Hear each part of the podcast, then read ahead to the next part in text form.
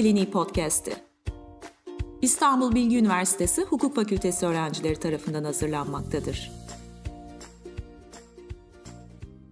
İstanbul Bilgi Üniversitesi Hukuk Kliniği ders öğrencileri tarafından hazırlanan Hukuk Kliniği Podcast yayınına hoş geldiniz. Bu yayınlarla amacımız korona salgını döneminde karşılaşılan bazı hukuki sorunları ve bunlarla ilgili neler yapabileceğimizi konuşmak. Yayınlarda hukuku herkesin anlayacağı bir dille açıklamaya gayret edeceğiz. Herkese merhaba. Ben Çağla Cesur. Ben Osman Dedeoğlu.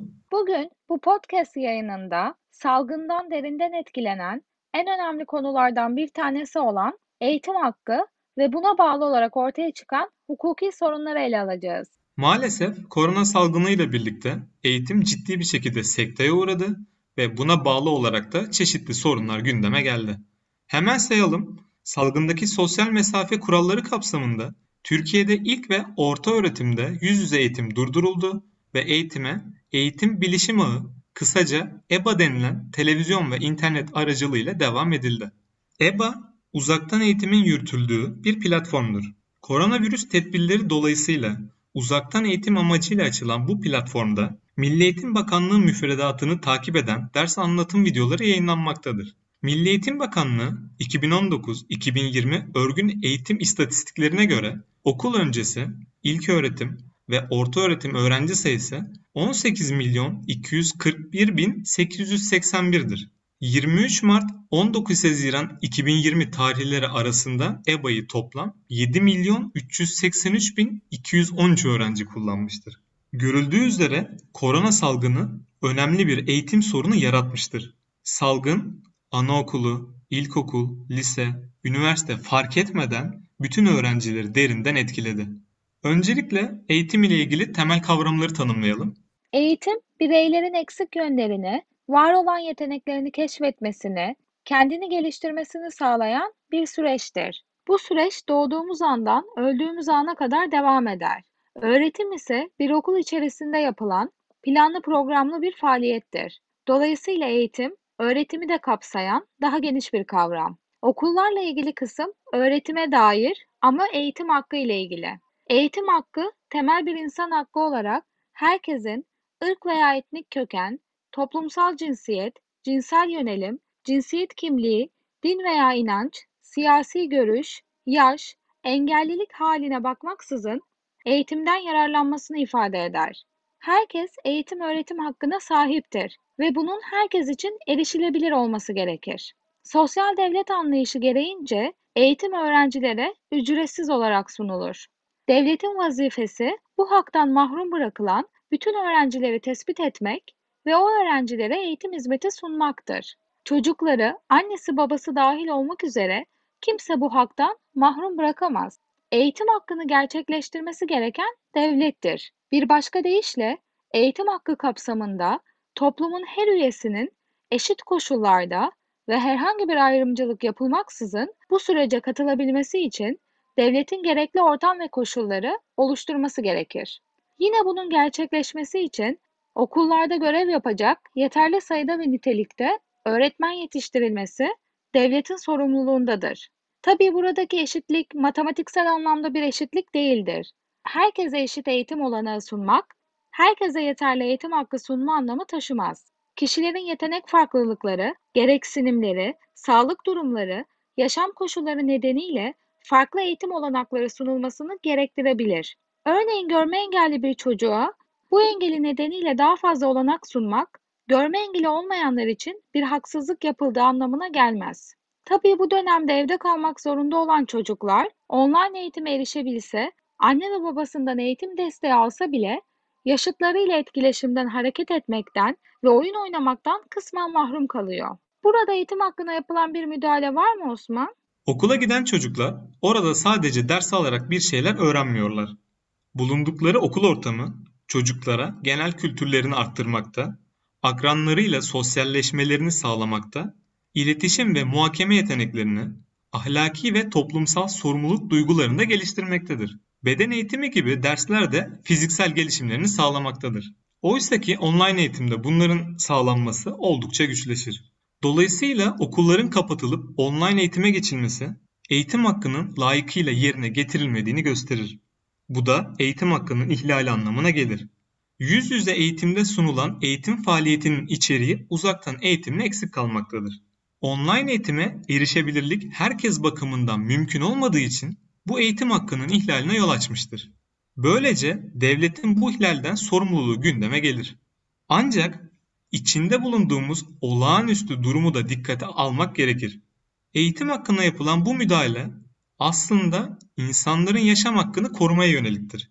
Çünkü insanların bir araya geldiği ortamlarda oldukça hızlı yayılan bir salgın var ve bu salgın her gün birçok sayıda kişinin ölümüne yol açmaktadır. Hem anayasanın 10. maddesinde düzenlenen eşitlik ilkesi hem de eğitim, öğretim hakkının özel olarak düzenlendiği 42. madde uyarınca çocukların eğitimden eşit şekilde yararlanmamaları eğitimde eşitsizliğe yol açacaktır. Devlet anayasadan kaynaklanan bir yükümlülük olarak herkesin yaşamını sürdürmesini sağlamakla yükümlüdür. Eğer kişilerin yaşam hakkı güvence altında değilse, devlet yaşam hakkını koruma yükümlülüğünü yerine getirmiyorsa, zaten kişilerin diğer hakları sahip olması, yani eğitim hakkı, mülkiyet, seyahat hakkı gibi hakların bir önemi kalmayacaktır. Bir başka sorun ise uzaktan eğitime erişim ile alakalı Çağla. Uzaktan eğitim sürecinde her yerde aynı kalitede internet bağlantısı söz konusu değil. Hatta herkesin kendi başına dersleri takip edebileceği bilgisayarları da yok. Bu konu bir ihlal yaratır mı? Anayasada düzenlenen eğitim hakkı, devleti bu hakkın yerine getirilmesi için gerekli tedbirleri almakla sorumlu kılar. Yani eğitim hakkı, devletin bir şeyler yapmasını gerektiren bir haktır. Devlet ilk öğretimi parasız sunma, maddi imkanları olmayanları desteklemek için gerekli önlemleri almakla yükümlüdür. Bu kapsamda herkes eşit şartlarda ve herhangi bir ayrım yapmadan eğitim sürecine katılabilmesi için devlet tarafından uygun şartların sağlanması gerekir. Bunun için devlet yeterli finansal kaynağı eğitim için ayırmalı. Mesela ihtiyaç sahibi öğrencilere bilgisayar desteği sağlanabilir. Annesi babası bu dönemde evden çalışmayan, polis, hemşire gibi bir ilkokul birinci sınıf öğrencisinin tek başına bu bilgisayarı kullanması beklenemez. Bunun için bu öğrencilerin okula gitmesi, öğrenme kaybı ve eksikliği yaşanmaması için gerekir. Covid-19 salgını nedeniyle uzaktan eğitime erişim engeli olan öğrenciler açısından eğitim hakkının ihlaline yol açacak durumlar muhtemeldir. Eğitimin herkes için maddi açıdan karşılanabilir olması gerekmektedir. Eğitim hakkı kapsamında eğitim materyali ve gerekli teknolojiye erişimin herkes için eşit olarak sağlanması gerekir. Örneğin öğrencinin derslerini takip edebileceği bir cihaz ve bunun yanında internet bağlantısı sağlanması gerekir. Salgın riskine karşı uzaktan eğitime geçilmesiyle kamusal bir hizmet olan ve her çocuğun eşit bir şekilde faydalanması gereken eğitim hakkına ulaşmak bir hayli zorlaştı. Salgın sürecinde öğrenciler uzaktan eğitime erişen, kısmen erişen ve hiç erişemeyen şeklinde ayrıldı. Özellikle dar gelirli ailelerin çocukları ve özel eğitim kapsamındaki çocuklar açısından eğitime erişimde ciddi sorunlar yaşandı. Öncelikle her çocuğun bilgisayar ve internet gibi teknolojik araçları yok. Ayrıca uzaktan eğitime hızlı bir şekilde geçilmesi, özel gereksinimi olan bireylerin eğitiminde önemli sorunlara neden olmaktadır. Televizyonda yayınlanan derslerin ortalama düzeydeki öğrencilere yönelik olması sebebiyle özel gereksinimi olan öğrencilerin bireysel farklılıklarına cevap verilememektedir. Bu çocukların eğitim hakkının ihlal edildiği aşikardır. Tüm bu nedenlerle Milli Eğitim Bakanlığı'nın daha işlevsel bir yol izlemesinin önemli olduğu söylenebilir. Özellikle özel gereksinimli bireyler için her saniyenin değerli olduğu düşünüldüğünde verilen hizmetlere yönelik geri bildirim alınması ve hizmetlerin bu şekilde niteliğinin arttırılması önerilebilir. Ayrıca özel gereksinimli bireylerin sağlık hizmetlerine yönelik en azından bu sürece özgü evde bakım hizmeti gibi özel hizmetlerin sağlanması düşünülebilir. Kendimden bir örnek vermek istiyorum. Benim anneannem geçen yıla kadar İstanbul Bahçeli Evler gibi merkezi bir yerde giriş katında yaşıyordu. Ve ben oraya gittiğim zaman çekim gücüyle övünen bir operatörün şebekesi çekmiyordu. Bunun için balkona çıkmam gerekiyordu. İstanbul gibi metropol bir şehirde böyle bir sorun yaşanıyorsa baz istasyonunun daha az olduğu kırsal kesimlerde bu tür bağlantı sorunlarının olması pek muhtemeldir. Dolayısıyla bu konuda devletin gerekli altyapıyı sağlaması gerekecektir. Mesela çekim gücünün hiç olmadığı veya az olduğu yerlere baz istasyonları kurarak gerekli çekim gücü altyapısı oluşturulabilir. Aksi takdirde eğitimin uzaktan yapıldığı bu dönemde bunların yapılmaması devletin sorumluluğunu gündeme getirebilir. Çünkü ilköğretim herkes için zorunlu tutulmuştur ve senin de dediğin gibi Çağla, devlet eğitim hakkını yerine getirmek için buna uygun tedbirleri alır. Tabii bu dönemde eğitime erişimde elverişsiz konumda bulunan öğrenciler olabilir. Özellikle uzaktan eğitim, önceden var olan sosyal eşitsizlikleri pekiştirme potansiyeli taşımaktadır. Örneğin bir evde üç tane ilkokula giden çocuk olabilir. Ancak ailenin evinde tek televizyon olabilir. Eğer bu durumda çocukların dersleri çakışıyorsa bunlardan bir tanesi dersini kaçıracaktır. Dolayısıyla devlet tarafından ihtiyaç sahibi aileler tespit edilip bu ailelere gerekli bilgisayar, internet, tablet gibi cihazlar dağıtılarak öğrencilerin eğitime katılmaları sağlanmalıdır. Bu dönemde herhangi bir başvuru gerekmeden ailelerin gelir durumu, okul çağındaki kardeş sayısı, özel eğitim gereksinimi, öğrencilerin akademik başarısı gibi kriterler göz önüne alınarak Milli Eğitim Bakanlığı'nın belirlediği ihtiyaç sahibi öğrencilere tablet dağıtımı yapılmıştır. Ayrıca bu tabletin yanında 25 GB kotalı internet paketi de verilmiştir. Bu kriterlere bakılınca ihtiyaç sahibi herkese ulaşılmadığını görebiliriz. TÜİK'in yaptığı Hane Halkı Bilişim Teknolojileri Kullanım Araştırması 2020 yılı verilerine göre Türkiye'de evlerde internet bulunma oranı %90,7, masaüstü bilgisayar bulunma oranı %16,7, dizüstü tablet, notebook gibi taşınabilir bilgisayar bulunma oranı %45,1, cep telefonu bulunma oranı ise %99,4'tür.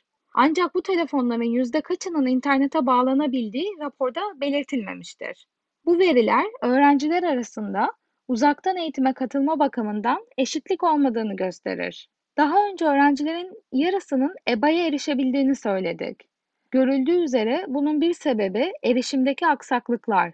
Bu durum sadece eğitime erişimde teknolojik imkansızlıkların olmadığını, uzaktan eğitim platformlarına erişim ve kullanımda da zorlukların olduğunu gösteriyor bize.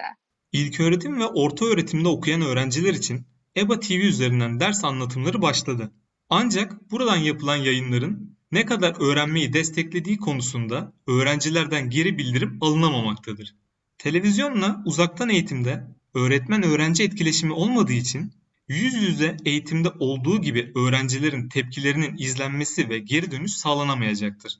Özel okullar uzaktan eğitim sistemleri kurarak online öğretime olabildiğince erken başlamış ve sanat eğitimi, psikolojik danışma ve mesleki rehberlik hizmetlerini de kapsayan çok boyutlu eğitim, öğretim programları ile faaliyete başlamışken devlet okulları bu fırsatı yeterince sağlayamamıştır. Bu durum eğitimde fırsat eşitsizliği oluşturur. Öğrenciler ve veliler bu konuda yaşadıkları sorunlar için il veya ilçe Milli Eğitim Müdürlüğü'ne şikayette bulunabilirler. Bunun için şikayetinizle ilgili bir dilekçe hazırlayıp il veya ilçe eğitim müdürlüğüne vermeniz gerekir. Ayrıca bu şikayet Alo 147 aranarak da yapılabilir. Eğitimde eşitsizliklerin daha da derinleştiğinden söz ettin az önce.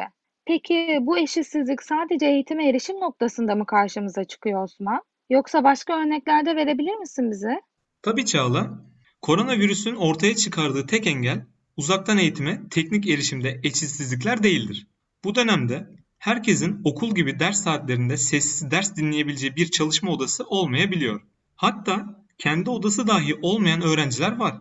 Devletin eğitimi başka bir mecraya taşırken kişilere aşırı külfet yüklemeyen tedbirler alması gerekir. Ancak görüyoruz ki uzaktan eğitim bu tür eşitsizliklere neden oluşturmaktadır. Uzaktan eğitim için gerekli olanaklara sahip olmayan ailelerin çocukları eğitim sisteminin dışında kalmalarıyla eğitim alanındaki eşitsizlikler artmaktadır. Bu durum uzaktan eğitimin öğrenme açısından getirdiği zorluklarla birleştiğinde okulların açılarak yüz yüze eğitime geçilmesinin önemi daha da artmaktadır. Okulların açılmadığı durumda öğrencilerde telafi edilmesi oldukça güç öğrenme kayıpları ve eksikleri oluşması, öğrencilerin sosyal ve duygusal gelişiminin olumsuz etkilenmesi, beslenme ve davranış sorunları oluşması ve öğrencilerin fiziksel olarak hareketsiz kalmaları sebebiyle orta ve uzun vadede sağlık sorunları ortaya çıkması gibi problemler giderek artacaktır. Bu nedenle okulların bir an evvel açılması öğrenciler bakımından daha yararlı olacaktır. Özellikle okul öncesi yaştaki çocukların bilişsel, duyuşsal ve psikomotor gelişimi açısından anaokullarında devam edebilmesi büyük öneme sahiptir. Ne zaman öğrenciler için yüz yüze eğitim başlatılsa bir iki hafta içerisinde vaka sayıları artıyor ve okullar yine kapanıyor. Devlet, eğitim öğretim kurumlarında hastalığın yayılma hızını yavaşlatmak için gerekli her türlü tedbiri öncelikle almalıdır.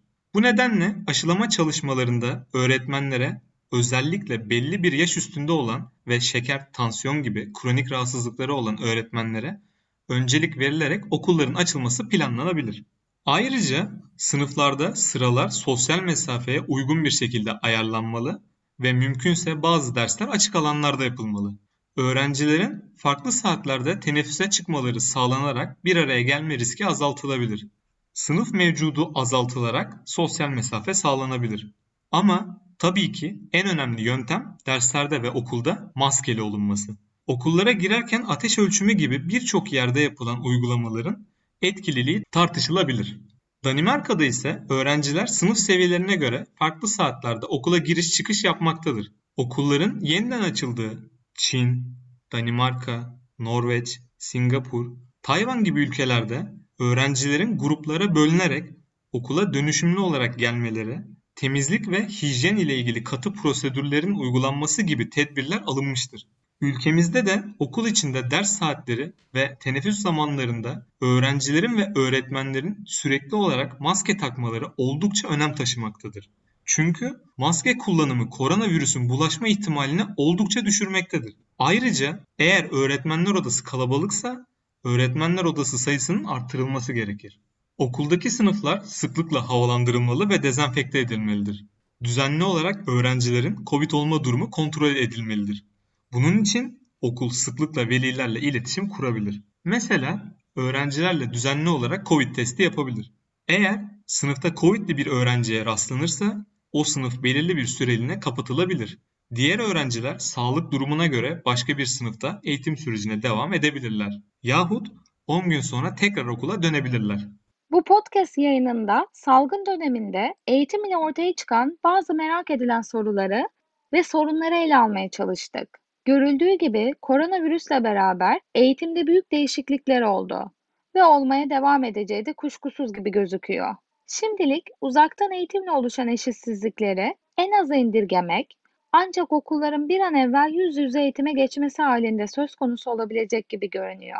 Bunun için de okullarda öğrencilerin ve öğretmenlerin katı bir şekilde maske takma, sosyal mesafe, HES kodu gibi tedbirlere uyması gerekli. Bizi dinlediğiniz için teşekkür ederiz. Bir başka programda görüşmek üzere. Bizi dinlediğiniz için teşekkür ederiz. İstanbul Bilgi Üniversitesi Hukuk Kliniği dersi öğrencileri tarafından hazırlanan bu podcast yayını genel bilgi verme amaçlıdır.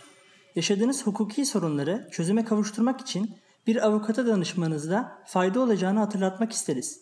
Avukat tutacak imkanınız yoksa bulunduğunuz şehirdeki baro tarafından sunulan adli yardım hizmetinden yararlanabilirsiniz.